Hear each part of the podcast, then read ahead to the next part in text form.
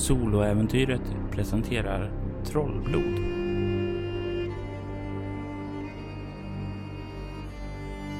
Jag är Anna Sandberg från Svartviken rollspelspodd och i detta avsnitt spelar vi Bortom. Jag tar rollen av Hannes Storm, en sjuksköterska som är på väg hem ifrån hjälparbete i Afrika. Efter ett halvår isär från min älskade Marcus ser jag äntligen fram emot att få träffa honom igen. Äntligen är vi redo att tillsammans bilda den familj som vi alltid pratade om. Jag har sett fram emot den här stunden så länge. Marcus, du har mitt hjärta, alltid och för evigt. Välkommen till Stormhjärta. Resan till Umeå har spenderats i ganska stor tystnad. Den passagerare som sitter bredvid dig, Moa, har mestadels suttit och läst i sin bok. Du kan ha lagt märke till att eh, det, verkar vara någon form av sammanställning av medicinska rapporter där. Uppenbarligen någonting som hon läser i sitt yrkesfält. Emellanåt så hon liksom lagt ifrån sig den och försökt att småprata lite med dig. Hur har Hannes spenderat tid? Har han varit öppen för små samtal? Jag är nog ganska tacksam för det. För att ha något annat att fokusera på än det mörker som annars skulle ta mig. För på ett flygplan så kan jag inte, jag kan inte hjälpa någon, jag kan inte göra någonting så då kommer alla tankarna och de eh, depressionskänslorna men när hon börjar prata så blir det som en distraktion. Och jag tar tacksamt emot och kanske börjar fråga henne lite om vart hon bor någonstans och hur hennes liv är. Och du får väl veta från henne att hon skrattar först lite när du frågar var hon bor. ja du, var bor jag egentligen? Det känns som att jag bor i min väska just nu. Så mycket som jag har rest runt på sistone. Jag är nyanställd hos ett äh, läkemedelsföretag som heter Alpha et Omega Industries och det är väldigt mycket resor just nu. Men jag är född i Örebro. Jag har dock haft rätt mycket resor till både Umeå och Stockholm och så nu senast var jag nere i Göteborg på en konferens. Nu är det ett par möten som väntar på mig uppe i Umeå. Ja, jag förstår. Du har inte rört dig någonting i trakterna utanför Umeå? Nej, det kan jag inte säga. Eller Ja, precis utanför Umeå har jag varit. Men inte särskilt långt tyvärr. Inte så att jag känner till trakten. Hur så? Jag ska åka och besöka min eh, partners eh, familj en bit utanför. När de börjar prata om sjukvård så kommer jag in på det ämnet också och kanske ställer lite frågor kring vad det är för möten och eh, om det är något ämne som jag känner till så spinner jag vidare på det. Jag visar lite att jag kan har ändå en utbildning inom det. Du kan få slå ett lätt slag med utstrålning medicin för att showcasea dina mm, fantastiska medicinska erfarenheter. 11.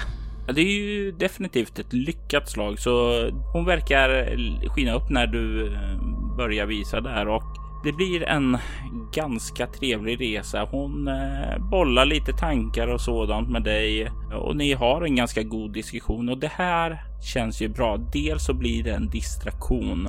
Dels så blir det ju också ett eh, sätt att få använda sådana här kunskaperna som du inte har fått använda. Visst, en del av fick du använda nere i biståndsarbetet, men inte alla. Men här kan du verkligen bolla det och det känns väldigt skönt och rofyllt. Så pass att du får tillbaka en skräcknivå. Har jag något visitkort? Tycker du att eh, det finns eh, anledning för honom att ha ett visitkort? Det är väl för att skapa kontakterna. Det kanske står på engelska i sådana fall. Eh, för kring arbetet där nere för att skapa kontakter när man reser runt så är det bra att visa vem man är. Men det, det går ju till eh, ambassaden. Uh, nej, jag, eh, jag börjar tänka att jag ska plocka fram visitkortet men sen uh, inser jag att det, det är kopplat till mitt arbete i Afrika så jag skriver ner vårt hemtelefonnummer till Göteborg. Det är väldigt trevligt att, att träffa dig och om du någon gång skulle vara i Göteborg senare så får jag gärna höra av dig. Ja, men absolut säger hon och tar emot det där och du kan se hon tar upp det och stoppar ner i plånboken och plockar fram ett eh, visitkort från sig själv och räcker över det till dig. Och om du någonsin känner att du vill prova på något nytt är det bara att du slår mig en signal. Jag är säker på att jag kan hjälpa dig att hitta ett nytt arbete. Ja, tack. Det, det kanske blir snarare än du tror, säger jag med en blinkning. Men eh, först ska jag ju träffa familjen. Du har inte sagt så mycket om det under resan. Är det släkt du har där uppe eller? Det är ju min, eh, min partners eh, pappa bor där uppe. Och ja, jag kom ju från en, eh, en biståndsresa nere i Afrika tidigare, men nu är jag på väg upp för att, att hälsa på både min partner som är där med sin pappa och med honom. Så din partner vet inte att du är på väg upp då? Det tänkt som en överraskning? Ja, precis. Ja, han, jag tror han kommer bli riktigt glad. Nej, det tror jag också. Särskilt när du har varit i Namibia så länge. Ja. Resan går mycket snabbare när man har ett sällskap som känns eh, behagligt att samtala med. Väldigt lätt och naturligt. Och när ni väl landar på Umeå och tar farväl känns det ändå lite bättre än det gjorde när du klev på planet. Det kanske finns någon möjlighet att eh, reda ut det här ändå. Jag ska bara hitta Marcus och sen så blir det nog bra, tänker jag ringa henne. Och den här gången så köper jag inga blommor men jag går till en biluthyrning eh, och hyr en bil för ett par dagar. Jag vet inte hur länge vi ska vara borta men man kanske ska passa på att se omgivningen när man ändå är här. Och sen så um, tar jag fram den här kartan som jag tagit med mig som Marcus hade. Och du kan utifrån kartan se att du ska mestadels västerut, lite söderut också, så lite sydväst. Eh, ungefär 20 mil. Själva Skvelträsk verkar ligga vid en liten by som heter Sansele och när du börjar närma dig där så kommer du först köra genom Sorsele och sedan till någon liten by som kallas för Blattniksele. Efter det så börjar det bli dags att hålla ögonen öppna. Och jag kör. Jag tittar lite då och då på kartan som ligger bredvid mig i eh, passagerarsätet men håller blicken på vägen. Håller hastigheten precis enligt lag. Men jag önskar samtidigt att eh, den eh, stabila Saben kan köra lite snabbare. Du kör under den större delen av dagen. Ni var ju en tid under flygresan som fick möjlighet att vila och sova lite sådär. Så du känner dig ändå ganska pigg och utvilad.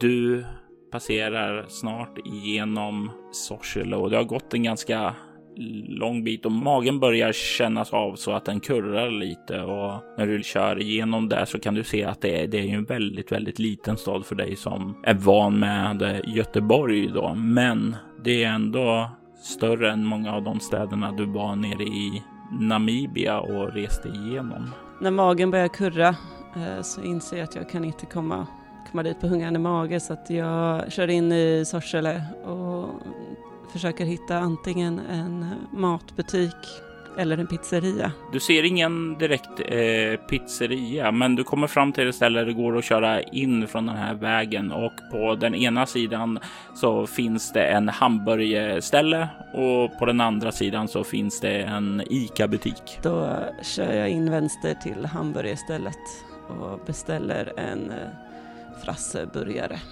Du får i mat och det känns bra efter att ha suttit och kört ganska lång tid och du känner dig snart mätt. Efter att ha betalat och ätit så kan du återvända till bilen och eh, köra vidare. Såvida det inte är någonting du vill handla från ICA butiken innan du beger dig vidare.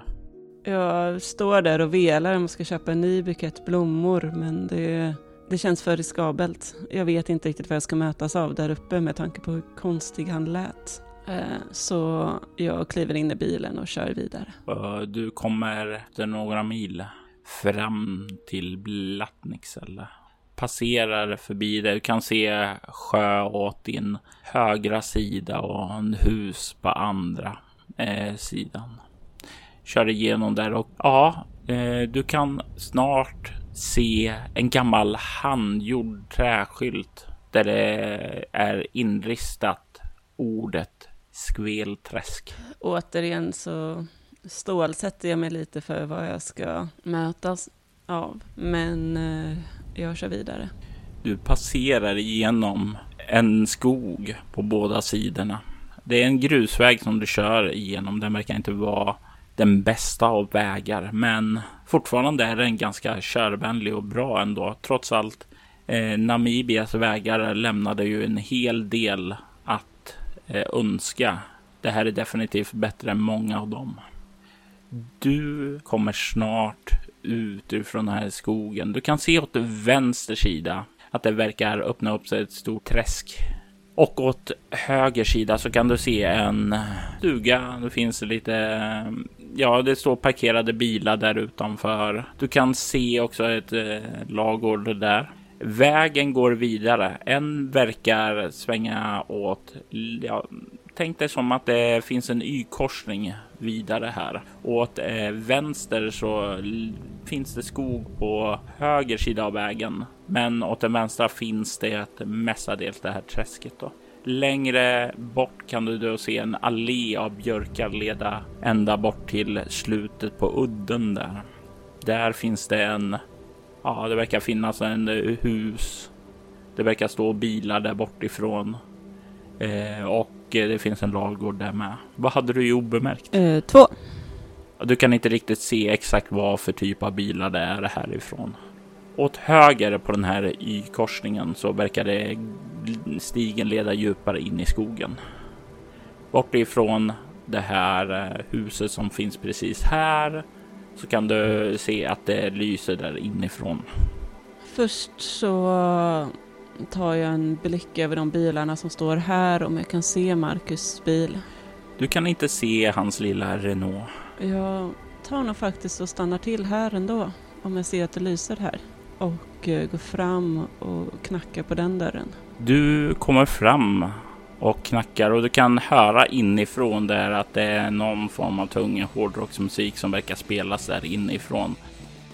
Och du kan se hur eh, fram till dörren så kommer det en gammal man som ler mot dig och öppnar dörren och säger god dag. Hej, jag eh, heter Hannes Storm. Jag ska åka och besöka Uh, en uh, Abraham eh, Grimberg. Är det längre in där? Han skrattar åt dig så här lite hjärtligt och vänligt. Åh, god dag. Uh, ja, jo, lustigt att du frågar. Vi hade besök här, ja, vad var det, två dagar sedan, säger han.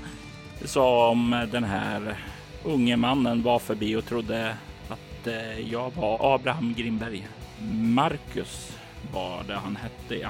Ja, precis. Det är egentligen honom jag söker. Det är rena rama trafiken här. Ja, jo, nej, men han var förbi här som jag sa. Är du hans broder? Uh, nej, vi uh, är um, hans make. Mm, det är så trevligt. Uh, du märker direkt att det var inte riktigt det svaret han förväntade sig och han blir lite stelare.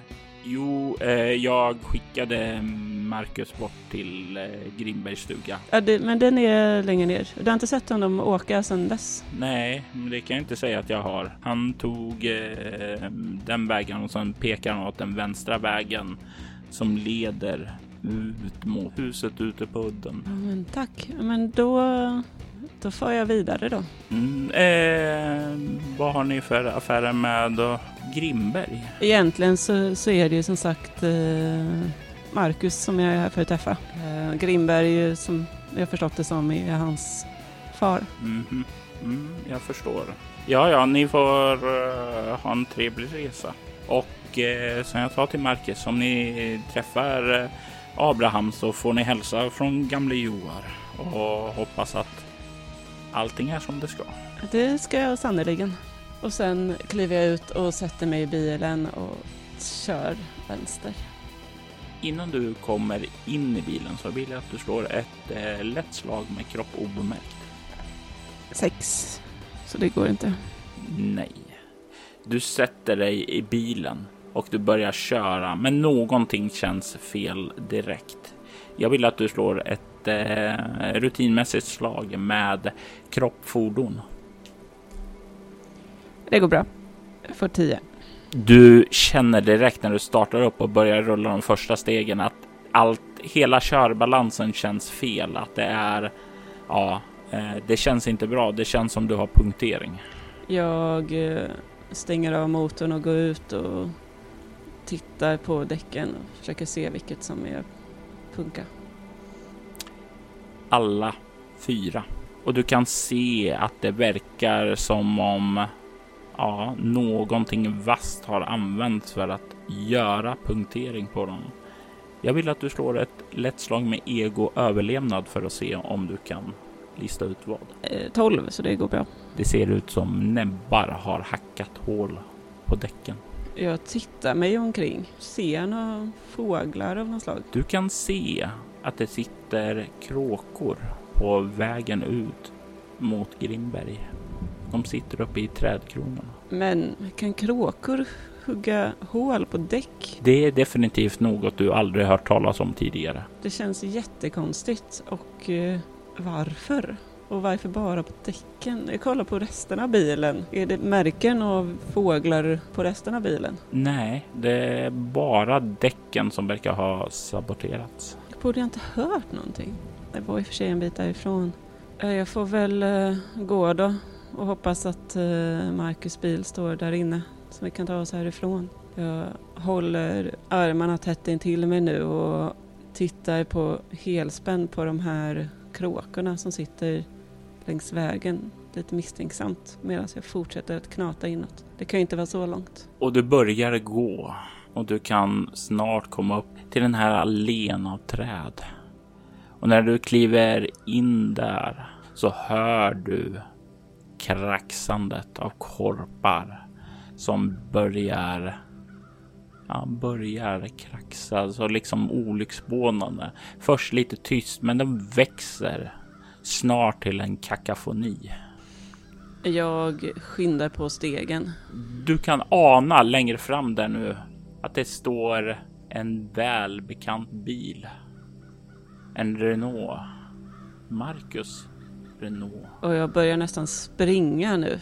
Plötsligt så kliver det fram en person framför dig. Kanske 10 meter bort. Du kan se att det är en pojke, ett barn, kanske 10 år gammal.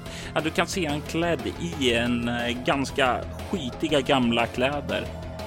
Faktum är att du nog kan gissa också utifrån ditt möte med Evråk att det är typ samma från samma tidsera ser skiten sliten ut eh, och du kan se att eh, personen är barfota.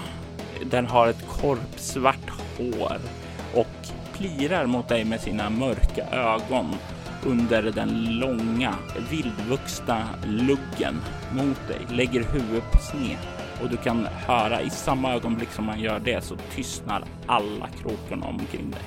Du kan få slå ett eh, skräckslag med eh, utstrålning och det är upp till 10 du ska komma. Jag klarar det inte. Sex. Du får två skräcknivåer. Jag stannar till.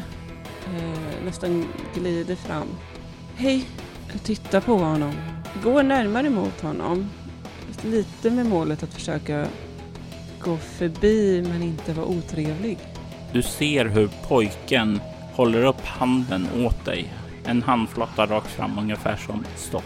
Jag stannar. Du kan sedan se hur pojken pekar bort emot Grimbergs stuga och skakar på huvudet. Jag måste dit. Jag pekar på Marcus bil. Han kollar på bilen, sedan kollar han tillbaka och sen skakar han på huvudet. Och sen så pekar han på sig själv och sedan pekar han på dig och sen så pekar han tillbaka. Nej, jag nekar något. Jag måste framåt. Jag fortsätter gå. Eh, du ser när du tar de första stegen hur alla kråkorna börjar med allt mer högljutt och krat- kraxa igen. Som om de vaknar till liv och du kan se att han verkar göra en handgestalt åt eh, kråkorna och sen så tystnar de. Jag slår om när jag hör kråkorna och det får mig återigen att stanna upp. Min make är där borta. Han eh, nickar åt det. Sedan så knäpper han sina händer ungefär som en, ja, en bön som han ber dig. Och sen så pekar han bortåt och sen så pekar han med två fingrar i ögonen och sen så pekar han ivägåt bort mot skogen. Jag tittar bort mot skogen. Du hör, han verkar ta de första stegen mot dig. Blir lite stående här. Det var en pojke. Men uh, okej. Okay. Marcus är fortfarande där. Han verkar inte vara faran igen med sin pappa så jag nickar mot pojken och Marcus får vänta lite, lite till och låter pojken komma fram och går tillbaka med dem. När pojken kommer fram till dig så sträcker han ut sin lortiga hand emot dig. Ja, jag, jag sträcker ut min högerhand och eh, tar hans. Och när du sträcker ut högerhanden så kan du se plötsligt han rycker tillbaka sin egen hand och stapplar tillbaka och du kan se ögonen är vidöppna. Han är, ser livrädd ut och du kan direkt höra hur kråkorna börjar att eh, kraxa oroligt. Jag tittar förvirrat på honom. Försöker gå fram och försöker hjälpa honom upp. Och det, när du liksom börjar gå framåt så kravlar han undan och bara skakar på huvudet. Och sen så pekar han bortåt. Jag förstår inte vad du menar. Han börjar resa sig upp och så pekar han bortåt och sen så börjar han att gå liksom på plats. Jag får väl gå, gå tillbaka då. Han nickar, men du kan se att han är orolig. Han kollar närmare på din hand och du kan känna att han, ja, när han såg det där symbolen så verkade han orolig. Min tanke är ju att om han kan komma, han verkar rädd här och kan jag få bort honom från huset så kanske jag kan få honom att prata. Eh, och eh, om han vet vad den här symbolen är kanske han kan förklara det. Och så kanske jag kan få bort de här kråkorna och få reda på vad är han är så rädd för som gör att jag kan gå dit och hjälpa Marcus sen. Så jag börjar gå bort ifrån huset. Och ni kommer tillbaka till eh, början av stigen här. Och du kan eh, höra plötsligt ett enskilt bakom dig. Jag vänder mig om. Tittar. Och du kan se hur kråkpojken då pekar utåt mot skogen. Det är precis innan ni kommer ut i klar syn från den man som presenteras som Johar för dig. Och han pekar rätt ut i skogen. Jag eh, sätter mig ner på huk framför honom här och håller fram min hand och säger nu har du lite saker att förklara. Han nickar och pekar sedan inåt i skogen. Jag suckar och jag får väl eh, en liten bit in kan jag väl följa med. Jag förstår ingenting men eh, kan det få honom att förklara så följer jag med. Men fortfarande så pass långt in så jag själv hittar ut. Jag vill att du slår ett eh, svårt slag med kropp överlevnad. Det lyckas inte. Jag får 12. Det känns rätt lätt att hålla översikt över det hela. Åtminstone till en början. Men kanske av andra så här 20 30 meter fortfarande koll. 40 50. Okej, nu försvann synen ut till stugan för vi gick ner för en liten kulle. men den går upp där så jag borde kunna se den igen. Och du kommer upp för kullen. Den här kråkepojken. Den eh, är nedanför kullen. Då du har nyss klivit upp. Men när du kommer upp på den så ser du bara en mörk norrländsk urskog bre ut sig omkring dig. Jag stannar still. Jag måste gå tillbaka. Jag eh, vet inte vart vi vart vi är nu. Kråkpojken skakar på huvudet. Han pekar vidare och sedan så gör han en gest med eh, handen ungefär som den öppnar och stänger sig. Du skulle nog gissa på att eh, det signalerar prata och sen så pekar han vidare. Kan jag lita på en... Jag vet inte vem den här pojken är. Men jag hittar inte tillbaka själv nu. Hittar du tillbaka? Du ser hur kråkpojken nickar. Lovar du att ta mig tillbaka till vägen efter att vi pratat? Han eh, kollar först lite orolig på dig, står och eh, verkar tveka och sen så tveksamt så nickar han. Jag vill att du slår ett lätt slag med utstrålning kameleont. 10. Du kan se att han tvekar, är orolig, men verkar eh, vilja göra det i alla fall. Jag stannar till och väger mina beslut. Jag önskar verkligen att Marcus var här. Jag borde inte ha följt med den här pojken så långt in. Jag vet inte hur jag ska få honom att, att ta mig tillbaka. Jag säger återigen, lovar du att direkt efter att vi pratat så tar du mig tillbaka? Han ser inte riktigt ut att veta hur han ska formulera sig och sedan så nickar han återigen tveksamt, men lite mer bestämt än förra gången. Jag räcker fram min hand. Du kan återigen se när du räcker fram din hand att han pekar på symboler och skakar på huvudet. Jag tar den andra handen. Och lite så här försiktigt och tveksamt så går han i en sån här vid båge undan från din andra hand och sen så går han och tar din utsträckta hand. Okej, då går vi in och så pratar vi och sen så direkt så tar du mig tillbaka. Han börjar gå. Jag följer efter. Ni vandrar vidare in i skogen och snart kan du känna doften av lägereld. Någon eldar här inne. Kan snart också se en rök och en eh, brinnande lägenhet längre fram där. Du kan se att det verkar finnas en gammal rishydda byggd där ute. Och eh, när ni börjar komma ännu närmare så kan du se en gammal man. Han ser ja, nästan ut att vara hundra år gammal, skrupplig, rynkig i hyn, lite krumryggad, ihopsjunken så um, verkar sitta vid lägerelden och sörpla på sitt kaffe i en gammal rostig mugg. Du kan se hur kråkpojken pekar mot mannen. Jag går bort eh, och ställer mig framför lägerelden. Och sen så tittar jag på pojken och säger Jag gissar att den här pojken är till dig? Och riktar ordet mot den gamle mannen. Kråkpojken är sin egen person. Men eh, vi är båda bundna av samma person. Slå er ned. Vill ni ha kaffe och dricka? Eh, Jag eh, har förstått det som att den här pojken, eller du, kan eh, ge mig lite svar. Sen ger jag mig av snabbt. Jag ska hitta min, eh, min make, Marcus Frid. Han är borta vid huset där borta. Jag beklagar. Men det är inte er make längre. Det är klart det, vad menar du? Hans själ tillhör vråkkungen nu. Precis som hans fars tillhörde vråkkungen.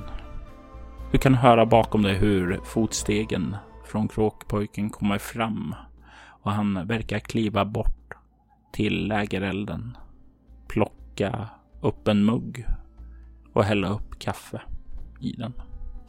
Mitt namn är Karl Petter och jag har en historia att berätta för dig som kan sprida ljus över din väns öde. Vill ni lyssna? Jag eh, drar mig omedvetet över skägget och ja, men låt det gå snabbt. Snabbt. Jag förstår. Dagens ungdom. Så som det hela började var att det fanns tre familjer. Det fanns Grimberg här som leddes av Jens. Det fanns familjen Mård som leddes av Hans Petter. Och sen så fanns det en kvinna, Moa Bergström. Och tillsammans så stoppade de en farsot som härjade i trakten. Problemet var bara att denna farsot krävde offer. De träffade en man som erbjöd sin hjälp. Hans namn var Herr Vråk. Jag vill att du slår ett eh, utstrålningsskräckslag som är omskakande. Nio.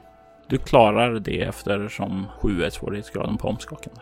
Du hör namnet och du känner hur det ilar till där i ditt märke i handen. Jag öppnar upp handen mot honom. Jag tror jag träffat honom. Jag beklagar. Det måste vara så han gjorde för att ta din väns själ till sig. Va? Vad menar du? Herr Vråk är en av trollbloden. Han som besitter konsten att bruka skråpuk. Att ta andras utseende. Att förvränga sitt eget hiskeliga utseende. Jag tror, om du bär den där symbolen, att han har tagit ditt. Troligen för att lura din vän som är av släkten Grimberg att bli den sista som bär förbannelsen. Jag drar mig återigen på skägget och menar du på något sätt att jag, för jag träffade Hövråk, han satt på planet från Namibia, tror jag, eller var det en dröm, jag vet inte. Men har det på något sätt gjort att Marcus har kommit till skada? Han lämnade en lapp åt mig. Vad jag har fått veta ifrån min vän Kråkpojken var att Abraham ville att förbannelsen skulle sluta med honom. Att han ville att Marcus aldrig skulle komma in hit. Att han skulle vara utanför vråkungens räckvidd. Så Abraham hängde sig själv och där skulle förbannelsen tagit slut. Men Marcus kom hit och när han kom hit så kunde vråkungen ta hans själ. Jag skakar på huvudet. Marcus pappa har tagit livet av sig. Ja, Men Marcus är där borta. Kan jag få tillbaka honom? Det måste finnas något sätt. jag önskar att jag kände till ett sätt. Kanske om du finner herr Vråk och stoppar honom. Men det kostade min älskade Moas liv. Den kvällen då hon stod inför valet att offra mig eller att stå upp mot herr Vråk. Ja, då, då stod hon upp för mig. Hon såg till att jag kunde fly. Hon försökte besegra honom, men hon dog. Hon blev det tredje offret.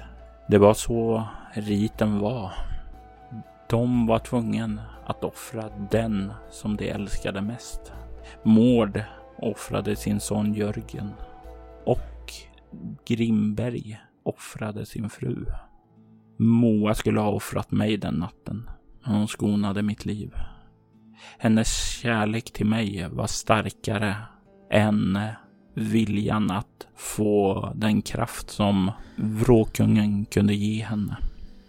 Jag blinkar lite och... Så det finns ett sätt att Marcus kan gå fri i det här.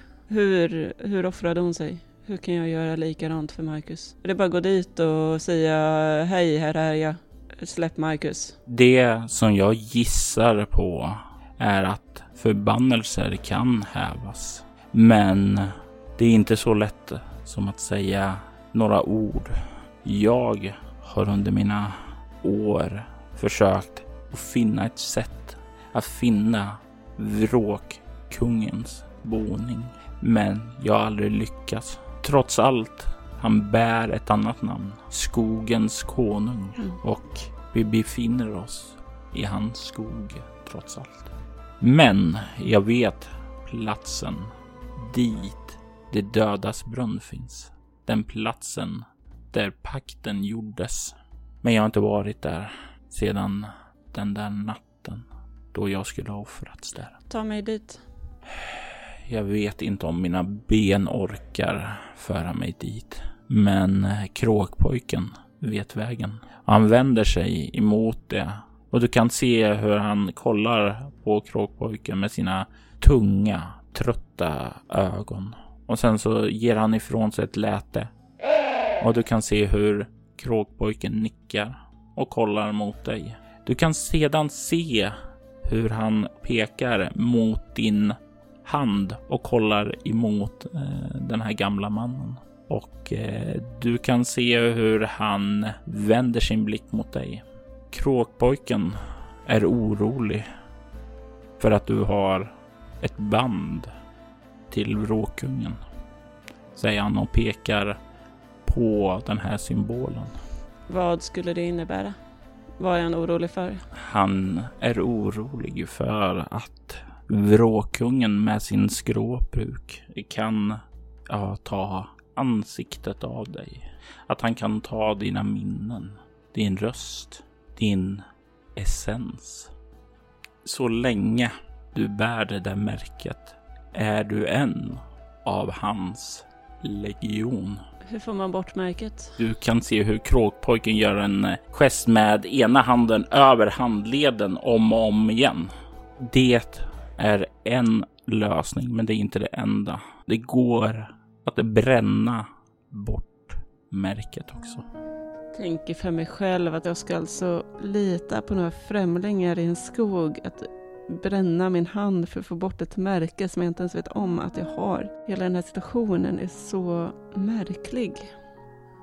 Jag ber nog en stilla bön för mig själv.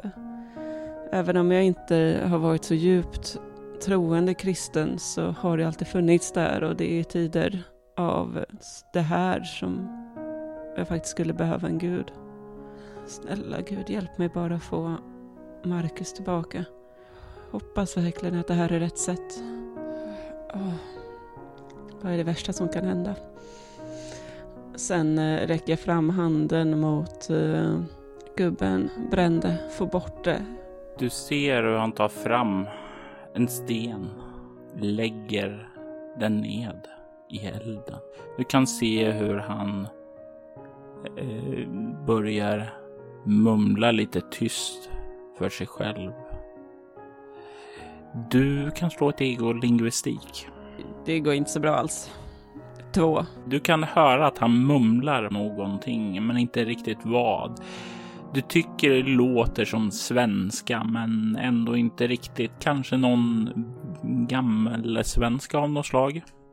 Det här är ju definitivt mer av Marcus område, för han var ju väldigt kunnig om ja, gammal fornsvenska och myter och skrock och hela den biten. Det här överhuvudtaget som verkar ske och pratas om nu, det, det, är ju egentligen han som borde kunna det här. Det borde han som lyssnar. Det här är ju hans intresse. Precis. Och jag önskar ju ändå mer att Marcus var här. Jag önskar att jag hade lyssnat mer på honom under tiden. Han var ju nästan lite ja, troende. Han hade nog kunnat hantera det här mycket bättre än jag. Och den här stenen börjar glöda vitt. Och du kan se hur den gamla mannen sträcker ut sina händer för att ta den. Och det är först nu som du ser hans inre händer. Ja, de är sönderbrända sedan tidigare. Han plockar upp den där stenen. Du känner doften av kött som bränns i hans hand. Men det är som hans nervändar i händerna är döda sedan länge och han inte känner det. Han håller fram den glödande stenen mot dig och säger ta den här. Håll i den här tills jag säger till. Och jag eh, stålsätter mig och försöker att eh, slappna av. För jag vet att om jag spänner mig kan det göra mer ont.